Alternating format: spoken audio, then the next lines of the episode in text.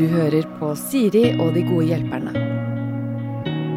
Helgens gode hjelpere er eh, Camilla Lorentzen, eller for de 90 000 som følger henne på nett, så er hun kanskje bedre kjent som Camilla Lor. Og så har vi med oss Geir Skau, som for de hundretusenvis av menneskene som hører på Morgenklubben, bedre kjent som han fyren i Morgenklubben. Eh, Geir, er det deilig å være tilbake på jobb? Jeg syns det. Ja. Ferier kan være lange og krevende. Eh, ikke for lange, men til tider krevende. Ja. Så du er en som savner å jobbe når du først har ferie? Det var vel å ta litt hardt i, men eh, vi må jo motivere oss eh, siste uka og tenke at nå er det snart moroa over. Nå må vi på jobb. Nå må vi på jobb. Er du sånn, Camilla? En som savner å jobbe når du har ferie? Jeg er så heldig at jeg aldri får lov til å ta ferie. Jeg er jo både kjæreste og bestevenn med kollegaen min. Så vi er jo på jobb eh, 24 timer i døgnet, men samtidig aldri på jobb. Så jeg savner aldri ferie, og jeg savner aldri jobb. Og det er jo eh, det beste og verste av to verdener, egentlig. Men hvordan vet du når du kan senke skuldra, når du bør holde de litt hevet da? Det vet jeg aldri, så jeg går alltid med litt anspent nakke, litt høye skuldre og er litt redd. Ja. For at eh, det plutselig skal bli tatt opp et arbeidstema som jeg ikke har forberedt meg på. Okay. Det høres uh, slitsomt ut på sikt. Det er det helt sikkert, men uh, Men du er ung, si. så her det- nå er jeg ung, og det er så nytt at det går fint. Jeg lever på haien enda. Det er jo noen Ja. humorvenner jeg har, uh, sier dette med en hvis du slår ei plate. Aldri fri! Man har aldri helt fri.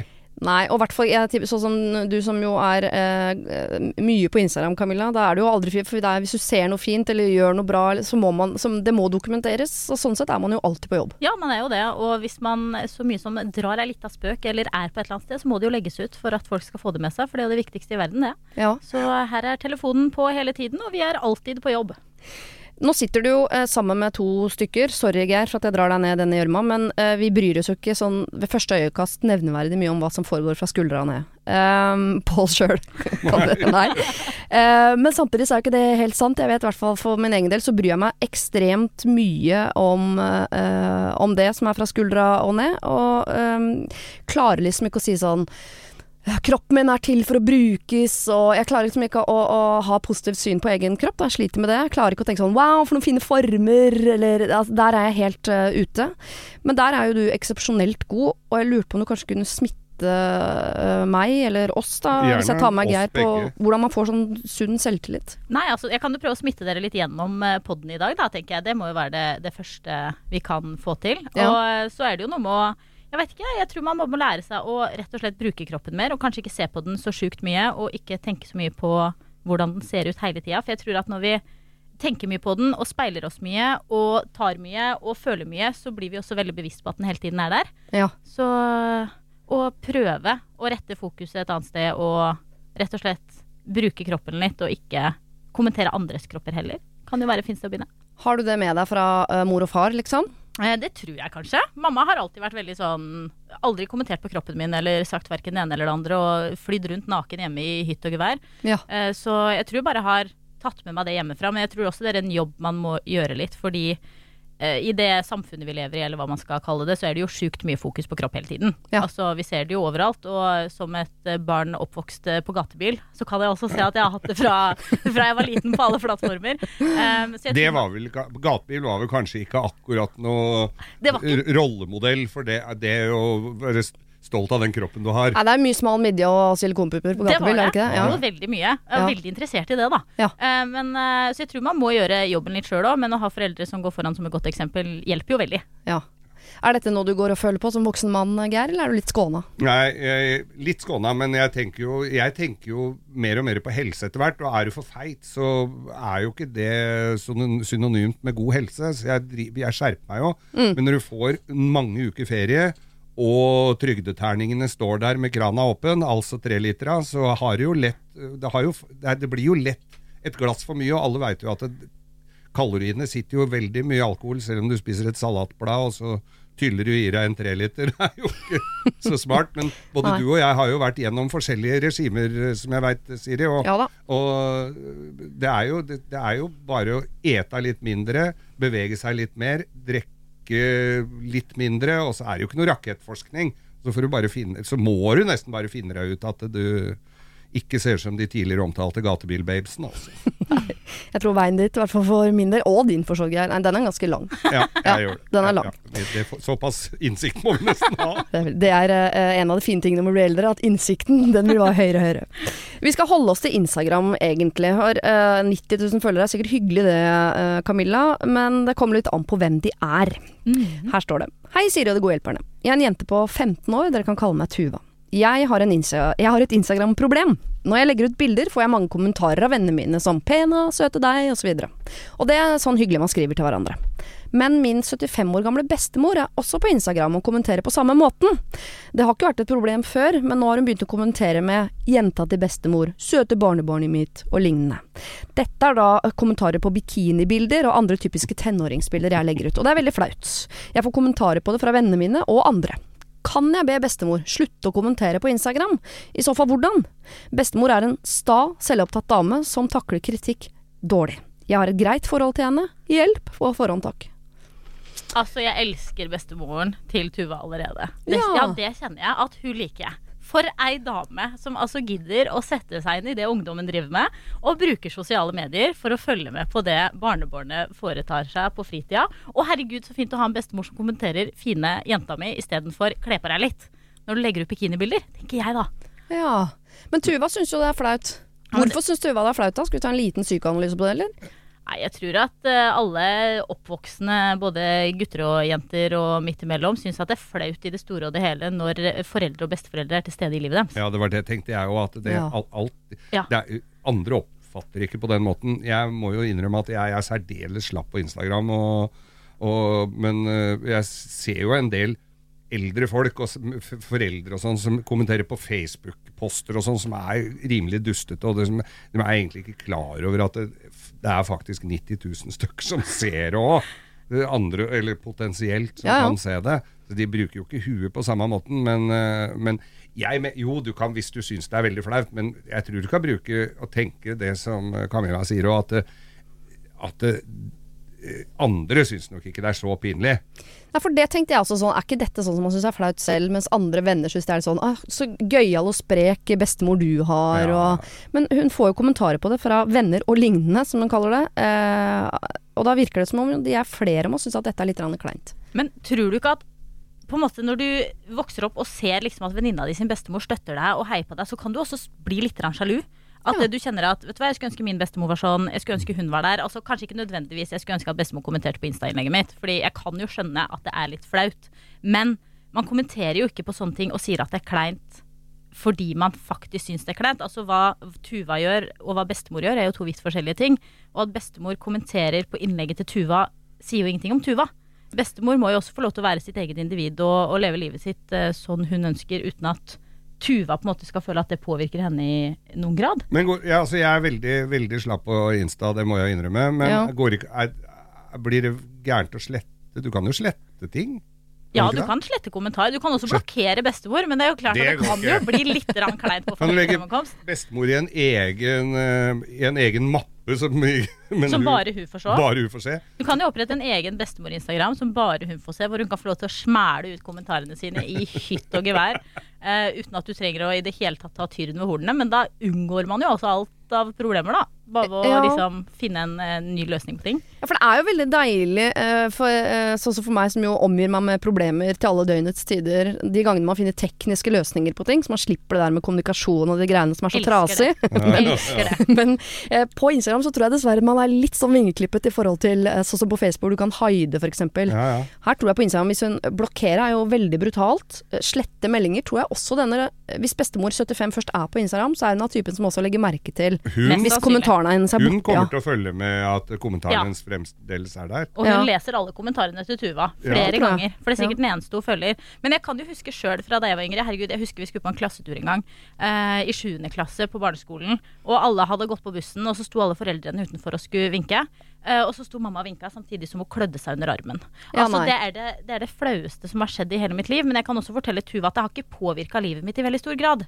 Det har Ikke gått sånn greit. Det har gått fint, og jeg har overlevd. Ja. Og når uh, mamma kommenterer Instagram-innleggene mine i dag, hvor jeg står med både mage og pupper og alt ute, uh, så går det Altså, det er bare heiarop. Og det er ganske deilig å ha familie som faktisk heier på deg. Ja. Fordi mest sannsynlig så skal bestemor være der, forhåpentligvis, da, en god stund. Um, og da er kanskje det at hun har ryggen din, og at hun er den som backer deg opp, viktigere enn at venninnene dine i 9. klasse på ungdomsskolen syns at det er fett eller ufett at eh, bestemor kommenterer. Det er vel litt med det som vi snakket om nettopp, om at eh, selvinnsikten den øker med alderen. Det er noe med den der som vi kan sitte her og si med den største selvfølgelighet, at det er jo Det sier jo ingenting om deg hva bestemoren din gjør. Det er for meg helt, en helt naturlig setning å bruke, men da jeg var 15 så tenkte jeg sånn Hvis mamma gjør noe flaut, så sier de Da mister jeg vennene mine.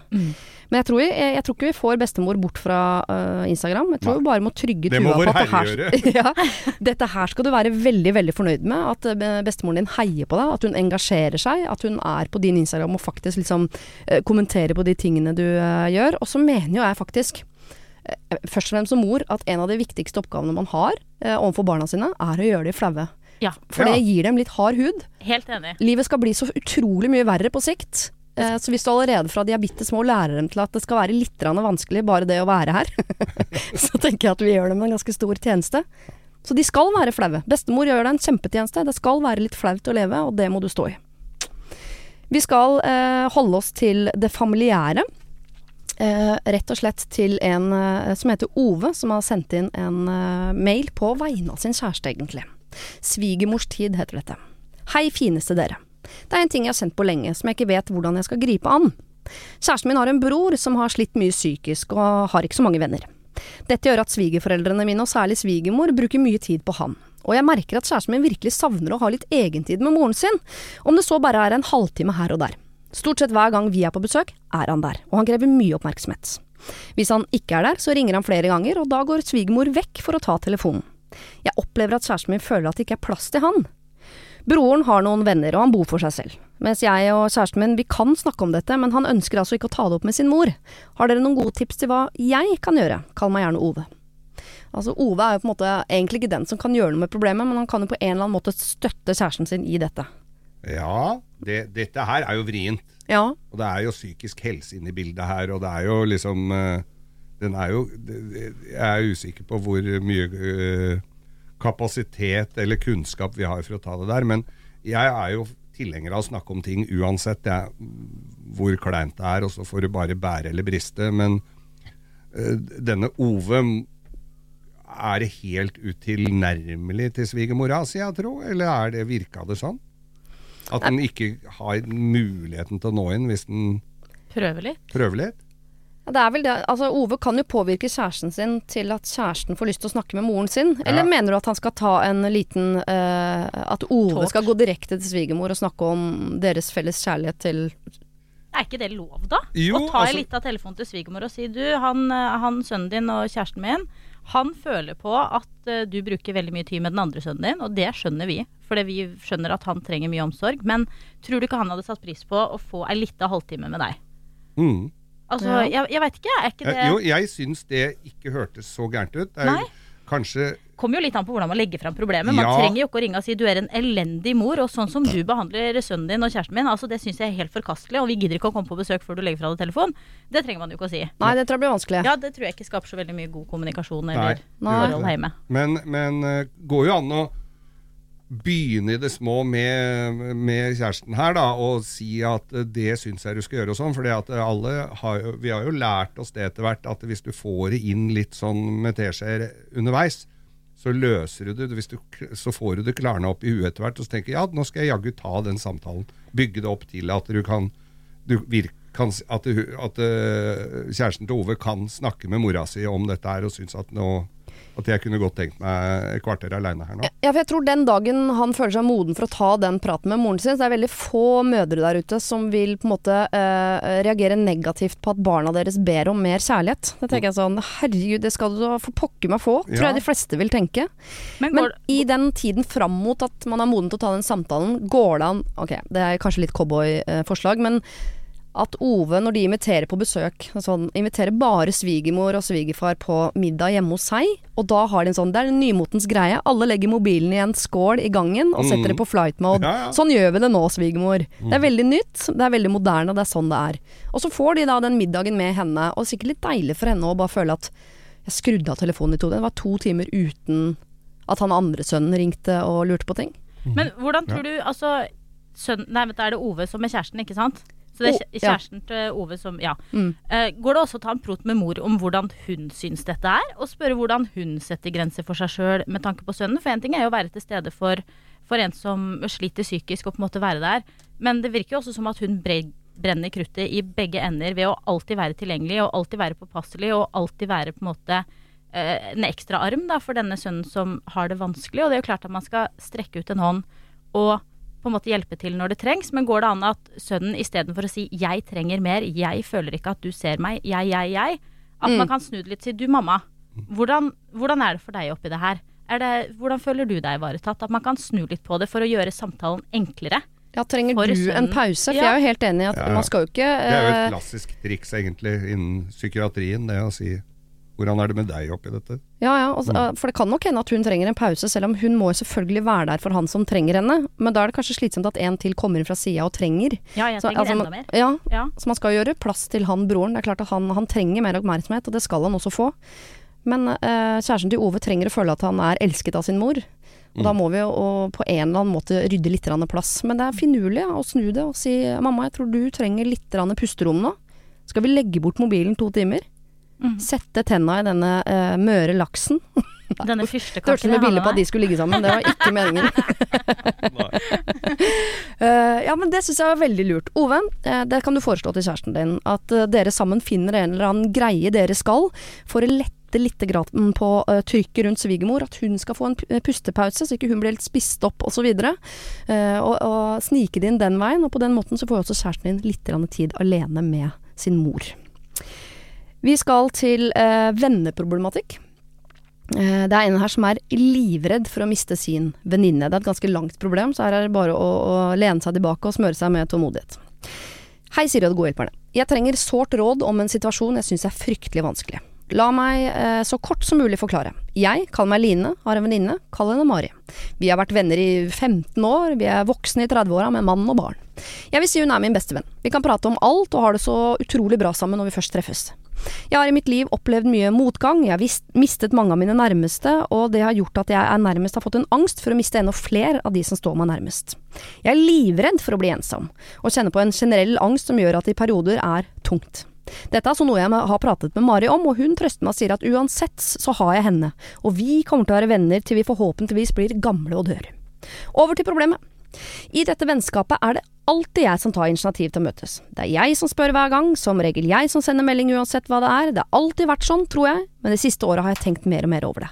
Og dette gjør at jeg blir veldig lei meg, jeg blir usikker og kjenner på denne angsten. Jeg prøver ikke å spørre for ofte, jeg vil ikke virke hysterisk eller maste. Vi har begge travle liv, men vi bor nærme hverandre og har jevngamle barn. Jeg har tenkt på om dette er noe jeg kan ta på henne, at det sårer meg, og spørre hva hun tenker om det. Ikke som et angrep, ikke si at, uh, noe annet enn at jeg blir lei meg. For hun vet at jeg har det tungt i perioder, og, syns, eh, og jeg syns derfor det er ekstra rart at hun ikke tar litt initiativ til å være sammen med meg. Jeg ser at hun treffer andre venner en del, noe hun så klart må få lov til, altså. Og jeg vet ikke om hun aldri tar initiativet der heller. Men det har vært episoder hvor hun sier at hun ikke kan møte meg fordi hun for eksempel, ja, må vaske huset, da. Så ser jeg at hun isteden har tatt seg en lang skitur, og sier at det ble veldig spontant. Og det har eh, sikkert ikke gått sånn innpå meg om hun hadde spurt om vi da kunne treffes en annen gang. Men det skjer ikke. Nærmest aldri. På det siste året nå har hun aldri spurt, og muligens ikke før det heller. Derfor lurer jeg på, er det noe jeg kan ta opp? Skal jeg bare slutte å ta kontakt med henne også, eller skal jeg fortsette? Jeg føler dette vennskapet går mye én vei, og det syns jeg ikke er greit. Hilsen Line. Ja, jeg tenker jo umiddelbart her hvor, hvor uh, mye er det Line henvender seg til den venninna si, da? Er det flere ganger om dagen? Kanskje det blir litt klamt? Kanskje han syns det blir litt voldsomt? Ja. Kanskje du skal roe reka litt, rett og slett? Kulen litt? Ja. For eh, å ikke være så redd for at hun forsvinner. Kanskje det er nettopp det som er grunnen til at hun kommer til å forsvinne, er at hun gnåler i tide og utide på henne. Ja, at Mari eh, føler seg litt kvært av Litt at Line kvært, ja. stadig liksom Ja, Ja, ja. det, hun sier jo selv at hun ikke maser, eh, men det, Nei, men det det, vil jo sikkert. aldri noen eh, på en måte se at de gjør selv. Nei, Da. nei. Vanskelig å svare på, Geir. Ja. Jeg tenker det høres ut som at Mari er ganske god til å sette grenser for seg sjøl og hva hun vil bruke tida si på, jeg. Ja. Fordi eh, sånn som Line legger det fram her, så virker det kanskje som at hun har plassert Mari i en rolle i deres vennskap imellom, hvor Mari fungerer litt som psykolog. Ja. Eh, og det er ikke en jobb en venn skal ha, tenker jeg. Altså Så klart skal du kunne prate med vennene dine om problemene dine, men å gå til Mari og bruke henne som en sånn ventilator for alt du tenker på, alt du føler på, alt du er redd for, eh, tenker jeg kan skape et ganske sånn uh, skeivt forhold. Ja. På sin side så føler kanskje Line at det er hun som tar mest kontakt, og det er hun som alltid innser, men det kan jo godt hende at Mari på sin side føler at det aldri er plass til henne. At det aldri er plass til hva hun føler, og hva hun tenker, og hva hun mener. Ja, så når Line bruker setningen 'jeg føler at dette vennskapet går mye én vei, og det er ikke greit', det er en setning kanskje Mari også bruker andre veien, men ikke nødvendigvis på det å ta kontakt, Ja. men hva man bruker den tiden på når man først er sammen. Det tenker jeg, i hvert fall hvis Mari også henger gjerne med andre venner. Jeg tror at man skal være litt sånn eh, forsiktig med å bruke ja, som jeg sa, liksom vennskapet som en sånn psykologsted, og et sted hvor du liksom kan få hjelp med problemene dine. Det skal jo også være et sted hvor det er eh, rom for latter og finne på ting og bare være. Ja, ja. Eh, men jeg tror ikke Line finner ut av det uten å prate med Mari. Nei, hun må nok det. Og så tenker jeg det at eh, det virker jo som Line er litt sånn stalker her nå. Altså driver og finner ut hva hun gjør. For da har hun Nei, hun kunne ikke, for hun måtte vaske huset, og så har hun gått på skitur isteden. Hun må jo få lov å ha et liv for seg sjøl, du òg, da. Jo da, og det er hun ganske flink til å påpeke også. Hun Ja. sier jo sånn 'jeg mener ikke at hun ikke skal det', og sånn, men det er klart at hvis du først sitter og er litt lei, og eh, lei deg og føler deg oversett av en venninne, Uh, og hun begynner i tillegg også å ljuge litt oppå der, det er klart at man blir jo ganske uh, Da blir hun jo redd for å miste venninnen sin, og da kan man jo bli litt desperat. Jeg, jeg kan skjønne Ja, ja. den uh, tankegangen som Line er innpå her, og vi skal passe oss litt for å legge for mye på sånn 'sånn er du, Line', og 'du må gi henne plass', og For det fins jo veldig mange Marier der ute som er sånne venner som bare er med. Aldri ta initiativ, Ja, ja. aldri invitere. De finnes jo overalt. Absolutt. Og da tenker jeg, er det eh, er det noe man kan gjøre med de, eller skal vi bare godta at sånn er de? Så da eh, Jeg tror vi alle har noen venner, da. Som vi liksom, jeg har òg venner som jeg er alltid den som må innse til. Ja, jeg Eh, kaller de blindpassasjerer ja, eller freeridere. Ja, De ja. fins. Men det er jo ikke de jeg velger å henge med 24 timer i døgnet. Altså Det er ikke de jeg velger å kanskje inkludere i min nærmeste nærmeste krets. Fordi det hadde vært slitsomt for meg å skulle tatt inch til å henge med et menneske hvis den aldri tok inch til å henge med meg, og jeg ville gjøre det hver uke. Så Ja. kanskje Line også trenger å utvide horisonten sitt eh, litt grann med tanke på hvilke venner hun har rundt seg. For det, hvis du bare har venner hvor du hele tiden må være den som tar kontakt, så føler du jo kanskje at ingen har lyst til å være med deg. Og det er jo kanskje det Line trenger å føle litt på. Den, noen har lyst til å være med meg, noen ønsker å finne på ting med meg, noen spør meg om jeg skal være med. For jeg tror vi alle trenger å føre oss ønska på en eller annen måte.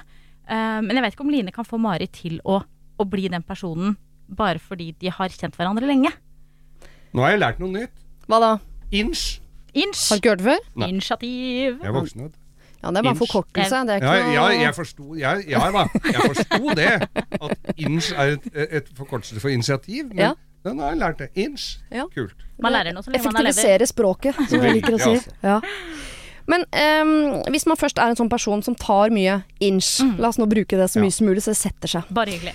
Eh, eh, og da tenker jeg at da er du en sånn person. Da Ja. setter jeg deg i den kategorien. Du er en sånn person som tar initiativ. Og så har du uh, andre type uh, mennesker som ikke er sånn. Og jeg tror ikke man får gjort så mye med akkurat de tingene. Akkurat som i et forhold hjemme hos meg, for eksempel, så er jeg gass, mannen min er brems. Får ikke gjort så mye med det, men bilen fungerer. Og dette vennskapet fungerer også hvis på en måte gassen slutter å, å, å klandre bremsen for å ikke gasse mer. Ja. Eh, Så når eh, Line skriver sånn, skal jeg bare slutte å ta kontakt med henne også? Tenk sånn, men da er dere jo to bremser i samme bil, kommer jo aldri faen til å flytte seg en meter framover. Da blir man stående veldig fast, da. Jeg likte bilmetaforen det din her. Nå er du, Nå var jeg veldig på igjen. altså. Da er du veldig på. Så jeg lurer på, det farligste Line kan gjøre, er å gå videre med tanken om skal jeg bare slutte å ta kontakt med henne også? For Marit har ikke noe mer kontakt av den grunn. Nei. Nei, altså- Tror du nei, det? Nei, det tror jeg ikke. Jeg tror ikke man kan forandre noen ved å speile handlingene deres når det er sånn de er. Altså, jeg er en person som også liker å bli tatt inch til. Ja. Jeg, ikke, jeg kan ta inch med noen sånn en gang hver annen måned. Uh, men hvis du vil ha meg med på noen, så bør du for det første sende melding, og du bør komme hjem til meg. Jeg kommer ikke til deg. Vil du komme til Oslo og ta en kaffe? Nei, ellers tusen takk, kjempehyggelig, men du kan godt komme til Tønsberg, og så kan vi sitte på verandaen min. Det går helt fint. Og jeg har venner rundt meg som heldigvis gjør de tingene, og det fungerer helt utmerket. Men hvis de hadde begynt å forvente av meg at jeg skulle dukke opp på verandaen deres i Oslo en og en halv time unna, bare fordi de gjør det til meg, så Ja. ville det jo blitt eh, fryktelig lite vennskap ut av det, for da hadde vi ikke sett hverandre da på en 14-16 år. Tror du sitter en del venner rundt deg, eh, Camilla, og tenker at dette vennskapet bare går én vei? Mest sannsynlig, og det har de nok rett i. Men så sier også Line det at når de først er sammen, så har de det utrolig viktig. Nei, Utrolig hyggelig. hyggelig. Ja. Hyggelig. Er ikke det viktigere? Jo, det er, Jo. Ja. det er viktig å ha det hyggelig. Trenger man å, å fordele alt så mye hele tiden? Da kan man ikke ha liksom forskjellige typer roller i det man gjør.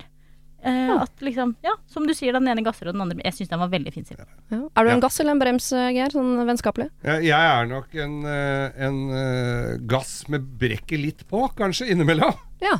For å bruke bilmetaforene dine, som jeg vet du er så opptatt av. Vi- Kan du få en sjokk? Det er bare en utfordring herfra. Altså. ja, nei, det, da blir du Det er sjokk, går ikke, for da går den sur. Ja. Men, men Nei, jeg har jo også noen venner som jeg prater med veldig ofte, og noen som, som jeg tar litt inch på. eh, Og da er det veldig hyggelig, men jeg føler jo ikke at de er i ferd med å forsvinne fra livet mitt for det. Og dette er jo folk jeg har omgås i 100 år snart. Så Jeg skal- så, jeg, så, jeg, så jeg er men, men selvfølgelig, du, jeg er sånn litt gi og ta. Nå må på gassen her litt, og så få finne på noe med Ja. den og den og de og sånn. Nå er det lenge siden vi har sett dem. Smakk. Jeg skal passe meg for ikke analysere Line for mye, men bare eh, ta tak i føler vennskapet går for mye én vei, og det er ikke greit. Jeg er helt enig. Men når dere er sammen, hvis vennskapet da går begge veier, så tenker jeg at da er det et godt vennskap. Det som bare går én vei, er akkurat den invitasjonsbiten. Og det kan hende at det er din bør å bære, Line, at du er en sånn som tar initiativ. Det er ikke Mari. Og jeg tror du mister henne hvis du krever at hun skal forandre seg, i større grad enn at du bare fortsetter med det du er god på, nemlig å ta initiativ til å møtes, og ha det gøy når dere først ses. Vi skal eh, over til et brudd med en gammel flamme. Hey. Spennende. Eh, spennende. Altså, dette er, br selve bruddet har skjedd rent sånn eh, fysisk, men psykisk så klarer ikke koblinga å hekte seg helt av. For fem år siden hadde jeg en to ukers flørt med en dame, kall henne Eva. Vi var begge nysingle, min samboer hadde nettopp, nettopp flyttet ut, mens hun bare ventet på å overta ny bolig, eh, og skulle flytte fra sin eks. Eh, skjønte dere det? Var det rotete fortalt? jeg Nei, tok det. skjønte, ja. Vi skjønner den. Ja, ja. Vi har begge jevngamle barn og bor i samme område. Etter de to ukene ble hun stille. Jeg fikk en SMS om at hun trengte tid, og tiden gikk. Litt kommunikasjon var det, vi møttes ved et par anledninger, men ikke noe som tilsa at gnistene mellom oss blusset opp igjen. Året etter møtte jeg Heidi. Vi datet noen måneder, og vi ble et par. Rett etter, sammen, eh, rett etter vi ble sammen, fikk jeg en SMS fra Eva om at eh, hun ville møtes. Jeg takket da nei, siden jeg ville satse på Heidi, og ikke møte en tidligere flamme. Eh, jeg var ærlig og forklarte Eva det. Jeg og Heidi er fortsatt sammen. Vi er samboere, vi har rekkehus, vi har fått en sønn, og livet er fint. Men problemet er, jeg tenker ofte på Eva og den flørten vi hadde. Jeg savner følelsen av å bli prioritert og ønsket. Går det en periode uten at jeg tenker på Eva, så er det typisk at hun dukker opp. Enten møtes vi i butikken, navnet dukker opp på Facebook, eller et eller annet. Og siden vi bor i samme område, så går våre barn på samme skole og er med i samme idrettslag.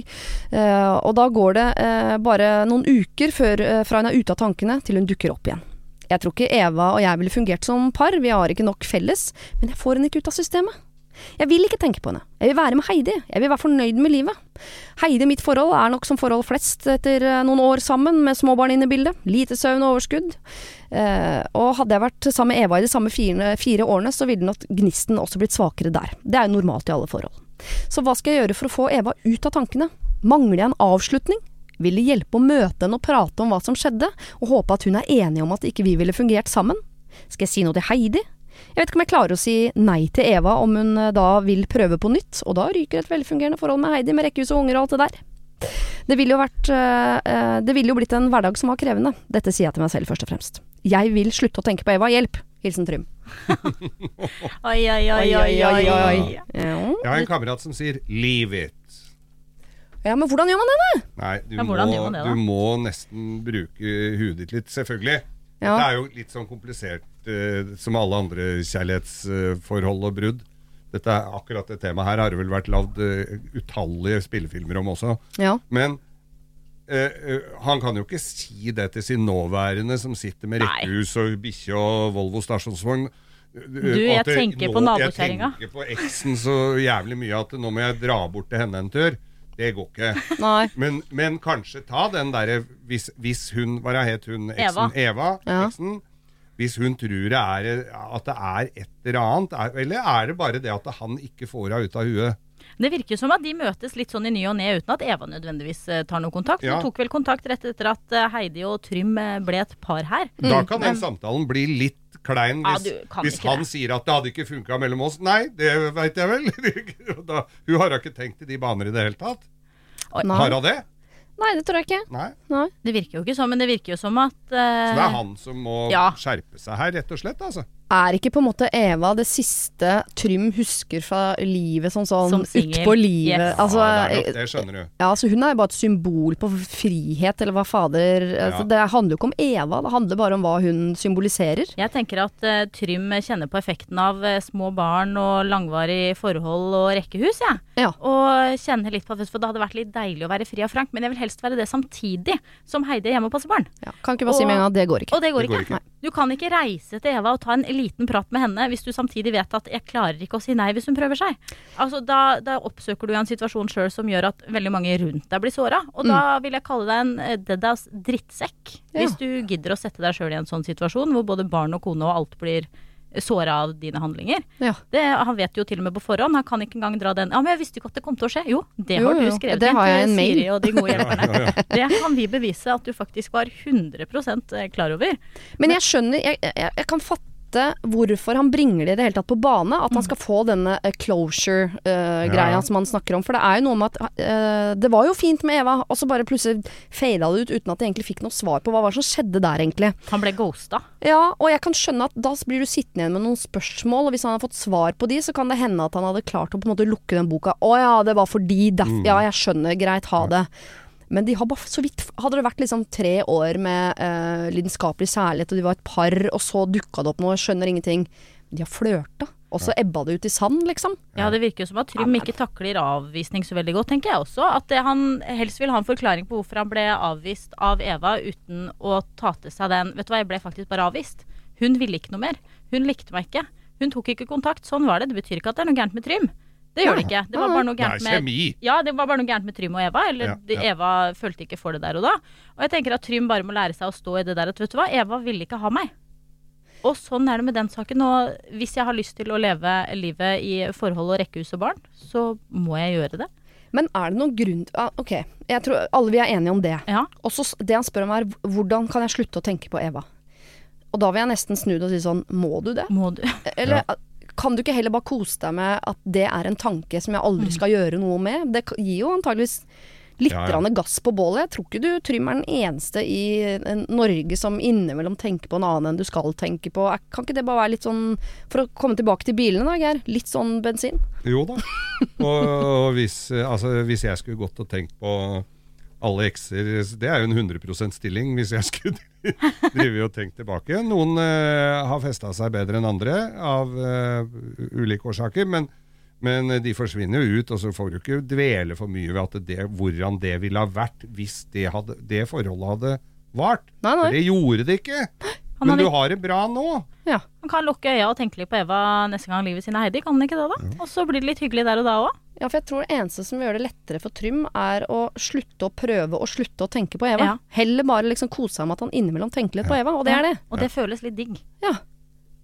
Ja, altså, å slutte å tenke på noe man Det er som å si sånn Ikke, Ikke tenk på, på bacon nå. Ikke tenk på, ja, men seriøst, dere. Ikke tenk på bacon. Don't mention the war. Det går ikke. Nei, Trym, du går ikke. kommer ikke til å klare å slutte å tenke på Eva. Men du skal for guds skyld ikke møte Eva for å snakke om at ikke du klarer å tenke på Eva. Du skal ikke dra Heidi inn at du ikke klarer å slutte å tenke på Eva. Dette er bare i ditt hode, og så lenge du lover at det bare blir inni hodet ditt, ja, vet du hva, så er det helt greit. Har du problemer selv, send dem inn til siri at radionorge.no. Hytta skal liksom være et fristed, med ro og harmoni. Dette er ikke så enkelt med en hyttenabo som altså ikke har noen annen adresse. Det med andre ord, han er en fyr som bor på hytta. Han har volumet på fullt uansett hva han foretar seg. Mye av det innebærer saging, hogging, hamring og spikring. Jeg kaller han derfor for herr Furu. Eh, Jeg har vært eh, tålmodig i flere år nå og tenkt at dette prosjektet må jo ta slutt en dag. Skogen blir jo tom for trær, men merkelig nok så gjør den ikke det. Og prosjektene brer om seg. Vi snakker minimum 11 til 16 alle dager. Han er pensjonist, og han bor der fast. Noe som absolutt ikke er lov. Dette er et vernet hytteområde. Burde kunne legge sitt støyende arbeid til side når hyttenaboene befinner seg på sitt feriested. PS. Jeg har ennå til gode å komme på hytta og at han er bortreist. Han har ingen andre plasser å dra til. Jeg har tatt med radioen min ut og skrudd volumet på fullt. Han banker og plystrer lystig videre.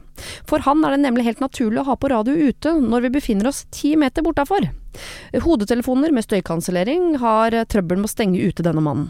Jeg har vurdert konstant promille, men det blir upraktisk hvis man må ut med bilen. Som dere skjønner er jeg egentlig meget konfliktsky, men jeg holder på å fly i flint inni meg. Har dere noen tips til hva jeg kan gjøre, helt der jeg slipper fysisk konfrontering? Stygge blikk bak hans rygg har ikke hjulpet meg så langt. Heller ikke et høyt gjerde. Han kan finne på å benytte enhver anledning til å belære meg om det ene og det andre. Han har tydeligvis en greie på det meste, mener han. Eh, Bortsett fra fullstendig mangel på takt og tone, og vanlig hensyn. Jeg har vurdert eh, sterkt å tipse kommunen om at eh, denne hyttenaboen er fastboende. Hilsen en lady som egentlig ikke er så lady, men som bare vil ha litt ro og fred på hytta. Det høres ut som at det er naboen til Jon Almaas. Sånn app, app, app, app. Her er det dummeste du gjør, vet du. Var ikke Kurt bli grusom, hadde ikke han en sånn nabo òg? Jeg tror det er en DumDum-låt eh, som, er- som går og eh, Før eller siden starter en en sirkelsag. Det er alltid en eller annen som driver med det. Men jeg er jo litt Ja ja, jeg snekrer og sånn, men jeg tar jo hensyn. Så Ja. dette er jo mer eh, mitt råd til denne onde naboen, men han hører vel neppe på. Men jeg gir beskjed, og jeg har et godt forhold til hyttenaboene. Det er alltid en med litt kantklepper, litt motorsag. Mm. Men når de kjører stubbefreser på pinse, første pinsedag og sånn det, Ja. det, det, det er jo snakk om respekt her òg, men og, og det er flere og flere i sånne hytteområder, sånn som jeg bor også, eller som jeg har hytta mi, som, som flytter og bor der ulovlig. Men det er aldri noen som får gjort noe med det, tror jeg. Du får ikke pælma dem ut av huset, for du ikke, kan ikke kaste ut noen hvis det er det eneste stedet de har å bo. De har Prøver du nå å si, eh, Geir, at når det kommer til stubbefresing, så skal man forholde seg til Bibelen? Nei, men ting som bråker litt for mye. Ja. Jeg prøver å begrense bråkinga mi maksimalt, ja, altså, men uh, Ja. når jeg ser naboen sitte på og har tatt fram grillen, så kjører ikke jeg kapp og gjerdesag og, og øh, full hilti, altså. Nei. man må jo ha litt grann, eh, Mm. vet ikke, jeg bare ser litt på de rundt seg at det, det er ikke tida for vinkelsliper nå som naboen har familiesammenkomst på hytta, men han må jo si ifra. Må jo si Det, du kan jo ikke, altså Nå er jo ikke jeg den rette å ta rådet fra, for det er jo, han er konfliktsky, men jeg er jo konfliktoppsøkende. Ja. Så første dagen så hadde jeg jo løpt over det med en vinkelsliper og spurt om jeg ikke skulle gjort noe med han hvis han ikke snart ga seg. Ja. Så det hadde jo vært veldig enkelt å fikse sånn sett. Men han må jo si ifra, for det, det er jo ikke sånn at denne naboen veit at han reagerer på at han snekrer. For hans del så har det jo vært helt greit i ti år. At han Ja, ja. Har, Nei, naboen, så grei. Han har ikke noe å si han på at jeg eh, hogger og freser og Men kanskje det er og- sånn med naboene mine òg? Ja, De syns jeg er pain in the ass. Det kan godt altså. hende. Han har jo ikke peiling. Det prøver jeg faktisk å lære eh, de rundt meg, at det er faktisk ikke lov å bli sinna for noe som ikke du har sagt ifra om at du er irritert på. Fordi man, eh, det er ingen som Disse stygge blikkene bak hans rygg, de har jo, som han, uh, lady her sier selv, det har jo ikke naboen din sett. Så du kan ikke Nei, gå nei, nei. rett i, uh, i fly forbanna. Du må innom Ja. Hei, unnskyld, kjære nabo. Eh, kunne du begrensa tidsrommet hvor du bruker bråkete eh, maskinpark uh, når jeg er på hytta og prøver å slappe av? Her har du kalenderen over når vi skal på hytta det neste halvåret. Sikkert ikke så ofte. Annenhver helg eller et eller annet sånt nå. Tror du da at du kunne gjort noe annet enn å pusse opp? Ja. Det, det er jo ikke så vanskelig å si fra om det. Altså, du trenger jo ikke å fly helt i flint og nappe ut kontakta eller ta få strømmen til hytta. Nei, for hvis han, hun, lady lady her, møter naboen sin første gang fly forbanna, så tror jeg naboen reagerer tilbake med å gå helt i lås, og da er det, da er det kjørt. Det hadde jeg gjort òg. Ja. Helt i lås. Så må vi begynne litt forsiktig. Hvor med- gammel er naboen? Er 75 år? Nei, naboen er i hvert fall pensjonist, det kommer Ja. an på yrket, da. Kan jo fort vekk være 64 òg. Ja, ja. Ja. Kan jo skremme vannet hans, han får et infarkt, så blir han borte ei stund i hvert fall. Absolutt. Ja, det er absolutt veien å gå. Men eh, eh, jeg er litt enig her om at eh, hvis lady vil få fred på hytta, som jo er målet her, det får du ikke ved å være konfliktsky. Men da må du tenke at det trenger jo ikke å være en konflikt Nei. hvor det er eh, aggresjon inn i bildet. Det er jo noe med å gi en beskjed til naboen. Det er jo ikke egentlig en konflikt. Hvis hun absolutt ikke vil møte han, så får hun sende et brev, da. Ja. Hvor det er litt sånn eh, Hva heter det? Eh, Anonymt. Sånn, Ja, jeg fikk det av naboen en gang. Ja, jeg fikk det av naboen en gang. Jeg hadde akkurat uh, flytta inn hos eh, min nye kjæreste. Eh, I en sånn blokk, vet du, med veldig tette vegger og veldig lite lydisolering. Da fikk jeg et fint dikt eh, på døra fra en ukjent nabo. Sengekås er vel og bra, men naboen hører hvert AAA. Nei, gjorde du det? Støya du? Kan dere dempe lyden litt, så naboen slipper å holde tritt? Mener nødig å være en eh, plage, sender derfor en vennlig klage. Og dette har jeg lært meg utenat. Så, så det går an. Ja. Å bare smæle over et lite dikt. Han var bare Eh, misunnelig. mest sannsynlig, det Ja, tror jeg. Ja. Det tror jeg nok. Men der har vi jo uh, Lady. Du er jo allerede flink med ord, det ser vi her. Du har kalt naboen din for herr Furu, og er selv for lady, som ikke er en lady. Så du skal skrive et dikt til Et naboen naboen din, ja, og se Er om det er det som når inn til en gammel pensjonist som er glad i treverk. Når du drar fram sirkelsaga, får jeg alltid vondt i min mage. For eksempel. Kan begynne der. og jeg har ennå ikke klaga. Altså kunne vi fått inn noe Ja. der. Ja. Mye å spille på. Kan man sende, legge inn en liten trussel også om at man vurderer å gå til kommunen? Definitivt. Ah, Eller så det? kan du sende det i oppfølgeren, som er på en måte bind nummer to. eh, Som kommer da et par uker etterpå når du har jobbet med diktsamlinga videre. Ja, Send en hyggelig limerick. Funker ikke det, så sender du litt sånn hissig haiku noen uker seinere. Der tror jeg vi har løsningen. ok. Eh, her står det. Hei! Jeg giftet meg tidlig i sommer. Vi var bare 22 stykker, nærmeste familie og venner på hytta. Så vi holder oss på. Ja, ja, ja. Eh, og det ble en fantastisk feiring av kjærligheten. Jeg følte meg så fin den kvelden. Mannen min, jeg tenker at jeg kan si det, mannen min var fantastisk. Alle var glad, ingenting å klage på. Nå har jeg fått bildene. Det var kusina mi som tok bilder, og det var masse fine bilder. Men av en eller annen grunn så ser jeg helt annerledes ut på de fleste av dem.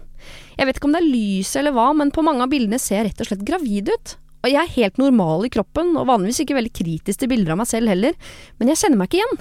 Det tok vekk noe av gleden. Det er nesten så jeg føler meg dum eller lurt, eller lurer på om var ikke opplevelsen min den kvelden riktig, eller var det ikke virkelig?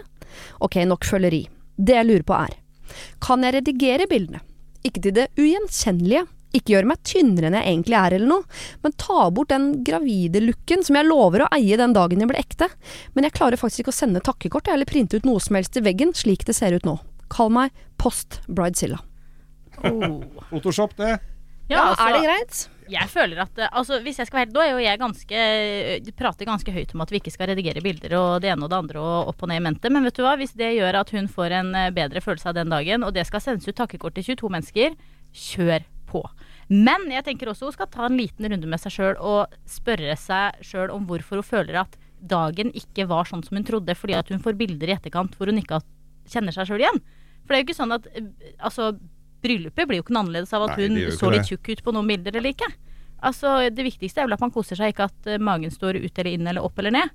Nei. Men eh, Det er bare når hun tenker sånn «Åh, Var jeg ikke øh, ved mine fulle fem den kvelden? Det var hun antageligvis ikke. mest sannsynlig ikke. Hun sa jo ja. Men var det mer jeg misforsto den kvelden, eller var det ikke så hyggelig som jeg trodde? For jeg trodde jeg så nydelig ut, det gjør jeg åpenbart ikke. Jeg trodde alle var glad, kanskje ikke det var det heller. Er, Er jeg i det hele tatt gift? Jeg tror, du er veldig, jeg tror du er veldig streng mot seg sjøl Ja, det tror jeg òg. Ja. Det er kjolen, og det er mye forskjellig der, vet du. Som eh, når du, når du ser, prøver kjolen Dette vet jo dere mye mer om enn meg. Mhm. Selv om jeg har kjøpt noen kjoler til kjærestene mine opp igjennom. Fordi jeg hadde mye bedre smak enn dem. Men Pleide det å funke? Nei, vi kan Ja, ta det Ja, okay, Ja. noen år. Ja. Til du kjøpte for stor kjole, og hun klikka i vinkel, ikke sant? Ja. Mamma eller bare litt rund, ja, når det kommer på seg fra oh, ja, så du syns jeg er en large? Nei, så, så, så tenker jeg det at Ok, så prøver du kjolen i kjolestudio, eller er brudesalong, eller hva det heter. Og så ser du jo Da ser du rett forfra, ser smashing ut, og så får du litt, Så er det vel litt tyll eller noe sånt da, som har gjort at dette ser Jeg tror, eh, jeg tror det er kjolen, jeg. Tror Ja, og så er det jo også noe med at eh, hvordan du ser deg sjøl i et speil, og hvordan du ser ut i virkeligheten, er jo ikke to sider av samme sak. Det blir jo det samme som å si at alle Instagram-modeller ser ut som de gjør på Instagram. De gjør ikke det. Jeg kan bare ta et eksempel. I går eh, så skulle jeg kjøre på visning. Vi driver og skal kjøpe leilighet, herregud. Helt uh, haraball. Men i hvert fall så min kjæreste filma meg da i bilen, for vi skulle legge ut etter ham på Instagram Story, så klart, for det er jo det eneste vi driver med. Og altså, jeg bare tenkte herregud, er det sånn jeg ser ut? Og det var liksom haka var større enn jeg tenkte, magen var større enn jeg tenkte, alt var. Men det var sånn jeg så ut da, da. Ja. Altså, man, man gjør jo det. Man ser jo ikke ut som et sånt stillbilde som er tatt i 0,1 sekund. Det er liksom en så liten del av dagen din når det bildet blir tatt, om det så er i et bryllup eller om det er i en bil, at du ser jo ut som 3000 versjoner av deg sjøl i en løpet av en dag. Du har noen dager, eller noen øyeblikk hvor du presser haka ned så du får dobbelttak, og noen ganger hvor du puster ut sånn at magen står ut, og du har noen eh, sekunder hvor du gjør det ene og hvor du gjør det andre. Og du er jo et, et helt og fullt menneske, og derfor så ser du også så innmari forskjellig ut. Men Og da spør jeg igjen, skal hun da uh, redigere de bildene, eller skal hun la de bildene stå som et bilde nettopp på hvordan hun så ut akkurat da? Hvis hun føler at det gjør henne bedre å redigere de, så kjør på Gjør med det. det. Men det er også litt slitsomt å føle at du skal leve opp til et redigert bilde når du skal møte disse menneskene etterpå. Ja. Nå er du har sendt ut et takkekort hvor du liksom ser ut som halvparten av deg sjæl. Så veit jeg ikke om det føles så bra neste gang du skal møte de og vet at jeg ser kanskje ikke ut helt som på det, det bildet, fordi dette redigerte jeg. Ja. Eh, og det er kanskje litt vanskelig å stå i det at man ikke føler at man i det hele tatt lever opp til bildene fra bryllupet sitt heller. Nei, Men er det, er det vanlig med takkekort i helfigura? Går det ikke an å kutte litt der, da? Eller få noen til å lage en sånn illustrasjonsbilde. Ja, Sånne strektegninger er veldig inn. ja, Kjøre på med det. ja. Eller lage sånne, sånne tjukke sånn som man kan ha det med i badekaret, som tåler vann. Ja. Kunne det vært noe? Ja, ja. Sånn som svelger? Ja, Da sånn blir det jo enda verre. Nei, jeg tror eh, Jeg er tilbøyelig til å si til post Bridezilla her at du selvfølgelig kan redigere deg tilbake til sånn som Men bare vær litt forsiktig med sånn sånn som du føler at du ser ut. Jeg tror jeg ville hatt med meg noen sannhetsvitner der, fordi skulle jeg gjort dette, så hadde jeg ikke klart å stoppe i tide, tror jeg. Da hadde jeg blitt fryktelig deilig på de bildene. Jeg tenkte sånn, det er sånn jeg føler at jeg ser ut. Mm. Og da er det fint om noen kan prikke deg på skulderen og si sånn Jeg lurer på om du skal dra den streken litt ut igjen, jeg. Blåse opp bildet noe, sånn at vi andre også syns at du ser ut sånn som du faktisk ser ut. Så eh, Postbrazilla, rediger gjerne litt, altså. Men ha med deg noen eh, på sidelinja der som kan stoppe deg i tide. Hei Siri og de gode hjelperne. Jeg har vært sammen med min samboer nå i fire år, siden vi var 19. Jeg er altså 23. Jeg trives ikke så godt i dette forholdet lenger, og føler vi har vokst fra hverandre. Jeg er derfor klar for å gå videre og slå opp med han. Når jeg da skulle ta praten med han, ble han helt hysterisk. Han gråt og skrek og var helt fortvilet. Han ville gjøre alt for meg, han kunne dø for meg, og kunne gjøre hva som helst for at det bare skulle bli oss to for alltid. Jeg hadde da ikke hjerte til å slå opp, og vi ble bare enige om å prøve videre. Jeg føler meg egentlig ferdig med dette forholdet og føler at jeg kaster bort tiden min med han, men jeg er jo redd for hva han rett og slett eh, skal gjøre om han ikke klarer seg gjennom dette bruddet. Han har tidligere sagt at han ikke vil leve uten meg. Jeg er da redd for at han kan finne på å ta livet sitt fordi jeg gjør det slutt. Dette gjør at jeg ikke tør å slå opp med han, men jeg syns jo heller ikke jeg skal fortsette å være i et forhold med han på grunn av det. Åh, hjelp, jeg vet ikke hva jeg skal gjøre. Hilsen fortvilet jente som trenger desperat hjelp og råd. Kall meg Isabel. Manipulering. Ja. Det er det eneste jeg klarer å lese ut av der. Manipulering, manipulering, manipulering. Det er, eh, kjærlighetssorgen er eh, tung for mange. Jeg har Ja. gått igjennom noen runder, jeg også. Jeg er, eh, jeg, jeg er god på det. Ja, både Eh, fått og gitt. Hæ? Både fått og gitt. Fått og gitt. Jeg har vel fått mer enn jeg har gitt. Men jeg har fått, fått sparken mye, ja. Ja. Eh, men, men det går jo Det går jo over. Hun bør ikke være redd for det om han går helt i kjelleren. Det er noen dyrker jo en kjærlighetssorg eh, så lenge de eh, gidder, liksom. Ja. Men, men hvis du er eh, Hvis man er tilstrekkelig lei seg lenge nok, så går du lei av deg sjøl òg. Så hun må jo ta den samtalen med han på en voksen og rolig måte og si at dette Jeg beklager, men hun må jo videre. Hun kan ikke bli i det litt kjedelige forholdet sitt bare fordi at du er redd for åssen han skal ha det. Da, blir, da er jo ikke liv laga. Det er jo ikke liv laga her, da. Selv om Nei. han mener noe annet. Men det er jo sunt og fornuftig av henne, og for det, selv om kjærligheten på en måte er litt over og hun er ferdig med han som kjæreste, så er det jo en fyr hun er glad i, så da er man jo opptatt av hans vel og være. Jeg mener ikke at de skal være sammen, men de fleste som bruker begrepet sånn 'jeg vil ikke leve uten deg', mener jo det liksom metaforisk. Men hvis han mener 'jeg vil faktisk ikke leve uten deg', så er det jo litt dumt, både for han selvfølgelig, hvis han eh, agerer på det, men også for henne i ettertid å tenke at han dytta utfor et stup. Ja, det er jo ikke en veldig god følelse å leve med hvis han faktisk ender med å hoppe etter at hun går fra han. Men så tenker jeg også, dersom han faktisk mener at han har lyst til å ta livet sitt dersom hun går fra han, Mm. så er de nødt til å ta en samtale om hvorvidt han er suicidal eller ikke. Ja, og så må han oppsøke jo- hjelp. Ja. Eh, jeg føler jo litt her at han legger ansvaret for, hen, for hans liv over på henne. Altså Ja. Det er opp til deg hvorvidt jeg skal fortsette å leve eller ikke. Hvis du er sammen med meg, så fortsetter jeg med det, og hvis du ikke gjør det, så, så hopper jeg. Og det, man kan jo ikke leve i et forhold med en person som legger livet sitt på den måten på dine skuldre.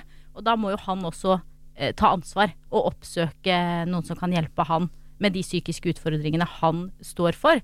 Og Ja. hvis det er rent metaforisk, som jeg jo vil tro, Ja. fordi det er jo litt sånn man kan si sånn. i stundens hete, at Ja, eh, du er alt for meg og livet mitt er ingenting uten deg, og hurra meg rundt og opp og ned og frem. Så er jo spørsmålet, er det viktigere at han er sammen med en person som han er glad i, eller at du får leve det livet du ønsker å leve, og så kommer han seg mest sannsynlig videre etter hvert. Kunne de for jeg, skjønner at hun syns det er vanskelig å slippe han hvis hun ikke vet hva hun slipper han til. Eh, kunne hun si at eh, måten du reagerer på dette på, eh, syns jeg er såpass skummel for deg uansett om du er sammen med meg eller ikke, at jeg ønsker at du oppsøker hjelp. Ja. Jeg tror nok jeg kommer til å gå fra deg på et tidspunkt, men jeg slipper deg ikke før jeg vet at du er i trygge hender. Men Mm. hvis ikke du nå eh, gjør noe med det, så, så må jeg slippe deg. Men jeg kan, jeg kan følge deg, liksom. Jeg kan følge deg til psykologen. Jeg kan eh, sørge for at du på en måte er på et sted hvor du takler et brudd. Ja, men, det, det, men det bruddet kommer. Ja, det føler jeg er en veldig hyggelig måte å løse det på, i hvert fall. Da føler jeg hun er ekstremt sjenerøs. Veldig Ja, sjenerøs. Ja, og det syns jeg. Og vet du, hvis jeg skal være helt ærlig, så syns jeg at kvinner generelt må begynne å bli litt mindre sjenerøse når det kommer til brudd.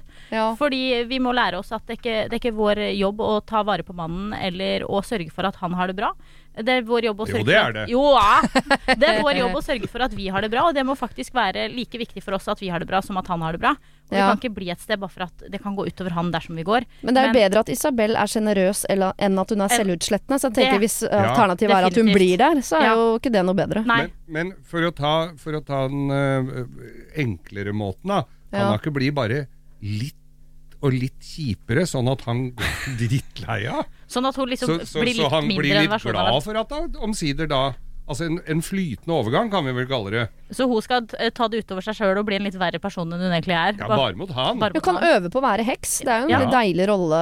Det klart, Bad eh, guy-rollen er jo deilig å ha noen ganger. Altså, vil ikke han være sammen med henne. Ja, ja. Ja, det er jo også litt uh, feigt, da. Ja. Hvis man ikke klarer å Men hvis hun faktisk mener at det er et, eh, en greie her at han kommer til å hoppe utafor stupet hvis hun går, så tenker jeg at da må i hvert fall hun sette opp Ikke et ultimatum, men i hvert fall fortelle han at eh, sette opp et gjerde. ja. eh, Men uh, få han til å få, få hjelp med det, for det er uansett ikke hennes rolle å være livbøyen hans. Men hvis han nekter å motta Fordi uh, jeg er fæl til å kategorisere, Ja. jeg beklager, men uh, dere menn da, Geir. Mm. Dere er jo kanskje ikke så lette å, å, å få til psykolog bestandig. Nei. Hvordan- og hjelp. Hadde du sånn gjort det for kjærligheten, liksom? Uh, ja. Ja. dette her er jo snakk om å, å For kjærligheten er jo ikke, det er jo for bruddet han eventuelt må på Ja. til psykolog, da. Ja. Så det, han skal jo ha det vondt, eh, hos, og så skal det bli litt verre, egentlig. ja. Så, så det, det er jo ikke noe solskinnshistorie uansett eh, hvem man oppsøker her. Så, så, men, men det er klart det at det kan bringe en eh, Hvis hun klarer å overbevise meg at dette kan bringe en videre her i livet, og du kommer helt sikkert til å møte den store kjærligheten igjen og bla, bla, bla, bla, bla så er det jo klart at, eh, at man Han bør jo gjøre det hvis det står så gærent til. Men, men jeg tror han Jeg tror han rett og slett, som mormor ville sagt, filmer. Jeg tror han filmer. Han spiller. Jeg tror Ja. han eh, så, så ille er det ikke, vet du. Han bruker litt for store ord, rett og slett, for å, å manipulere, så vi er Mm. tilbake på der vi begynte, ja. Mm. Det er en grunn til at det er mann i begynnelsen av manipulere. Det er helt riktig, faktisk, Siri. Det har du helt rett. Prøv bare å sjarmere Camilla. Eh, jeg håper dette ordner seg, eh, kjære Isabel. Eh, jeg tror du må eh, Det er fint at ikke du vil slippe han når du er redd for eh, hvor han havner etterpå. Men, eh, og det er fint å være raus, bare pass på at ikke du blir selvutslettende. Og vi vet jo ikke, men vi mistenker her at det er snakk om eh, litt filming. Litt manipulering, litt filming. Dere, forrige uke så tok vi opp et uh, problem fra en uh, som heter uh, Josefine. som handlet om at hun ville piffe opp forholdet, hvor da hjelperne som, som tok tak i dette problemet, eh, Katrine Moholt og Stian Staysman, spant av gårde eh, med noen teorier som var altså helt ute på viddene. Der tror jeg de kanskje bare henta opp noe gammel grums fra egne erfaringer, og spant av gårde på det, eh, og mente at dette var et par som alltid hadde kjeda seg, og dette var ikke liv laga, og anbefalte dem å gå fra hverandre og i det hele tatt. Så vi skal ikke gå dit. Nei. Jeg har lovt henne å ta en ny runde på dette problemet, rett og slett fordi hun Det- ikke kjente seg igjen. er Reklamasjon, rett og En slett. reklamasjon Ja. på hjelp, ja. Angrerett. 14 dagers angrefrist. Så nå skal dere få et problem i eh, nærmest i reprise, men eh, hjelpa i andre enden her, det bør helst ikke bli en reprise. Hei, Siri og de gode hjelperne. Jeg og kjæresten min har vært sammen i over tre år. Forholdet, vært, vært, vårt har vært eh, lite problematisk og ganske bra. Problemet er at jeg føler at det har blitt litt kjedelig. Jeg har vært nyforelsket i en lang periode, men nå har det dabbet av. Og jeg trenger noen tips til å piffe opp forholdet og ting vi kan gjøre. Jeg har tatt det opp han, eh, med han, og jeg har sagt hva jeg føler, men han svarer at 'jeg syns vi gjør det bra', jeg. Så problemet er altså bare mitt. Jeg er 20, han er 22. Hilsen Josefine. Og grunnen til at vi tenkte at sånn, dere har alltid kjeda dere, er at hun er litt sånn sparsommelig i ordbruken sin. Det har vært et ganske bra forhold, bla, bla, så hørtes det sånn 'Å ja, du har kjeda deg hele veien, og nå orker du ikke mer'. De har det hatt det fantastisk. Hun elsker han, kommer aldri til å gå fra han. Han er eh, mannen i hennes liv, og hun vil, for å glede mannen hun elsker, piffe det opp litt grann nå, Ja. eh, for å få tilbake litt gnist. Ja. Er det da snakk om på sexlivsfronten, eller er det å reise på eh, glampingtur til eh, Stjørdal? All the above, som jeg pleier å si. Ja. Er- Men går det ikke er- det også litt hånd i hanske, det der med både på en måte det å ha Glamping og sex, jo. Ja, glamping Absolutt. og sex, rett og slett. Jo, men det å Men ikke de helt åpne telta, de der du ser Nei, inni, kanskje? sånn iglo. Nei, Sånn iglo. de gjennomsiktige igloene, ja. Nei. Det, det, det er sånn du kan trekke opp rullegardiner på det. Bare så du vet det. ja, ja, er det det? Ja, ja, ja, ja. Ikke noe problem. Men du kan sikkert se inn gjennom sprekken hvis du er veldig engasjert. Ikke be noen se inn i sprekken. Men hvis vi, hvis- vi ser bort ifra de er 20 og 22 år gamle, så jeg regner med at sexlysten er jo sikkert eh, der, altså. Ja. Er jo, men, men for å få det litt festligere, det er vel det de tenker, å gjøre noe som er gjør litt At ikke det blir så siræva. Få tilbake litt spark, liksom. Ja, Ja. men det er jo bare å, å gjøre Foreslå å gjøre morsomme ting, det er ikke det. ja, hva da? Og ikke, men gjennomføring, dere. Altså Jeg føler at det er så lett å ta den Ja, men vet du hva, det er bare å gjøre noe gøy og finne på noe. Men jeg føler ofte det er den kontinuiteten i gjennomføringen som er grisevanskelig. Ja, ja. For du kan komme med forslag til at vi skal reise på konserter, og vi skal kjøpe sexleketøy, og vi skal abonnere på sånn sexleketøysboks, og vi skal eh, dra på tur til Lofoten. Og så blir det med alle disse tankene. Ja. Så jeg tror Du at må for- gjøre det, ja. Ja, jeg tror at om at man faktisk skal få det til, så må man legge en plan på hvordan det skal gjennomføres i praksis. Ja. Ja. Hvordan skal vi faktisk gå fram for å ha bedre sex, for å ligge mer, for å reise mer, eller dra på flere eh, livekonserter på internett, for det er tross alt korona. Nå hø høres det ut som du henter opp tips fra egen skuff her, Kamilla, uten at du skal eh, avle Men utlevere deg selv god. for mye. Men hva anbefaler av de to det virker som om du har prøvd til nå, da? Lofoten eller sexleketøy? Hva, hva Jeg, du mest? jeg anbefaler en god kombinasjon, og helst ta med sexleketøy til Til Lofoten. Lofoten, Ja, det er usedvanlig god kombinasjon. Det anbefales anbefales på det sterkeste. Ja, det er veldig eh, konkret, da. Eh, Ja. Josefine, ta med deg sexleketøy og mannen din da, til eh, Ja, er Lofoten. Også, jeg tenker jo det å gjøre ting sammen Nå har jo jeg eh, noen flere år på nakken her, men det å gjøre ting felles sammen, ting, lage mat sammen, inter, begynne å bli interessert hvis han er en fyr som elsker å mure og stå på kne, altså, og, og bare drive med det, det det er kanskje ikke noe sånt som er sånn veldig opphissende, Nei. men hvis de gjør ting som, som, som er gøy for begge to, som Ja. begge to har glede av. da. Mm. Gå på øh, konserter, utstillinger øh, øh, Sitte på verandaen sammen og prate. Du bør ikke, det bør ikke være sånn superkompliserte ting. Nei, bare det å sitte på verandaen og prate om de tinga her, er jo Og sammen. Sammen. Da, Der vil jeg bare, ikke for å være uenig, men jeg, vil bare, jeg, jeg klarer ikke å anbefale til par flest at de skal sette seg på verandaen og prate sammen. For hvis ikke man er sånn sitte på verandaen og prate sammen-par, så er det noe man prøver på for man ser at det driver folk med som er forelska. Så får man ikke Ja. Hvis jeg skulle sitte på verandaen sammen med lokføreren og bare prata Hei, vi hadde iPaden har vært oppe i løpet av 14 minutter. Ja, Mener du det? Ja, ja, ja. Hva skal i all verden skal vi prate? Vi er Men sammen hele dagen. Gud, har- Verdens beste forslag. Ja. Hei, opp fra egen eh, verktøyskuffe. For jeg er helt enig med deg, Geir, i det du sier, å bruke tid sammen. For jeg føler nesten det er det vi er dårligst på. Jeg viser, altså Litt sånn som du sier, Siri. Det er opp med iPaden, det er å skru på TV-en, det er å drive med hver sine ting. Mm. At den kvalitetstiden man bruker sammen, blir så sparsommelig. Mm. Det skjer så sjeldent. Og så føler vi at vi må liksom gå inn i en sånn eh, svær planleggingsfase som å planlegge å ta med sexleketøy til Lofoten for å få det til. Og det er også gøy. Men det å prøve å få tid til hverandre i hverdagen, og hvis man setter seg på verandaen, så kan man google 'questions to ask your boyfriend', eller Ja. 'questions to ask your girlfriend', eller Mm. 'questions to ask uh, about eh, sexual uh, interactions', altså whatever. Ja. Og da kommer det opp lister på lister på lister med spørsmål, eh, hvor man kan velge alt fra 'hva er du mest redd for her i verden', til 'når var sist du lo så du gråt'. Og så Ja. kan man stille hverandre spørsmål, Ja. sånn at man faktisk finner samtaler rundt ting som begge har opplevd, begge har lyst til å oppleve, eller begge har tenkt på. Jeg tror hvert fall Og det er hvis kjempegøy. det er Nøkkelen er selvfølgelig å gjøre ting sammen, finne tid sammen. Men jeg tenker at man skal fylle den tiden med enten noe som de finner ut at begge har lyst til. Ja. Ja, ja, Ikke sånn eh, Vi prøver kajakk, for det kjenner jeg noen som er veldig forelsket av. Da må begge ha lyst til å padle kajakk, ellers er du helt dødfødt. Legge iPaden ned. Eh, og også på en måte gjøre de tingene man gjorde. Sånn som når jeg ble sammen med min eh, deilige mann, så hadde vi mye quiz, vi spilte mye brettspill, og vi spilte mye kort helt i starten. Det har vi slutta med, for nå har vi bare, sitter vi med hver vår iPad, ser Ja. på hver vår serie. Ofte samme serie med hver vår episode. Nei, Og hvis vi innimellom legger bort den og bare tar en runde med spardam, liksom, eller et eller annet, så har vi altså Da blir det gnist. Det er jo en grunn Ja. til at man var nyforelska da man gjorde alle disse tingene, tenker jeg. Ja, gjør de tingene dere gjorde Ja. i starten, liksom. Fortsett med Ja, hvorfor slutter vi med det? Det er et uh, veldig godt spørsmål. Ja. Og rett og slett ta opp de og sette av tid til det, og ikke gå så inn i de vanene. Ja vel, så går det en ny episode av eh, Killing Eve i dag, Ja. men den går i morgen òg. Den gjør det. Spardam. Det er her og nå, det. Ja. Og hvis du tar liten runde spardam, opp med sexleketøyet som du har kjøpt inn til en Lofotturen som Yes. dere skal på, så rekker du en runde Killing Eve. Og så spør du hva han er redd for, mens du Nei. Det, Ja. kom, det kommer jo opp noen bilder her når jeg ser de heseblesende drar til Lofoten med kofferten full av selvlysende greier. Altså. Ja, ja, ja. Ja. Men det er kanskje sånn ungdommen driver i dag? det er sånn vi driver med i dag. Jo, så videre. Jeg håper dette var mer eh, konkret og bedre råd til deg på ting dere kan eh, gjøre. Og da kan du selvfølgelig bytte ut Lofoten med en annen destinasjon, men sexleketøyet skal med. Det må du ta Dere med. skal gjøre de tingene dere gjorde når dere var nyforelska. Dere skal finne noe som dere begge to er glad i, ikke bare noe som så fint ut i VG, eller som du har en venninne som har prøvd, eller et eller annet. Noe begge to har lyst til. Eh, Camilla og Geir, tusen tusen takk for at dere vil være mine gode hjelpere denne helgen. Tusen takk for at jeg fikk komme. Ja, tusen takk for at vi får øse av vår eh, kunnskap. Vi er gode. Og så håper jeg dere får en fin sensommer. Det var det.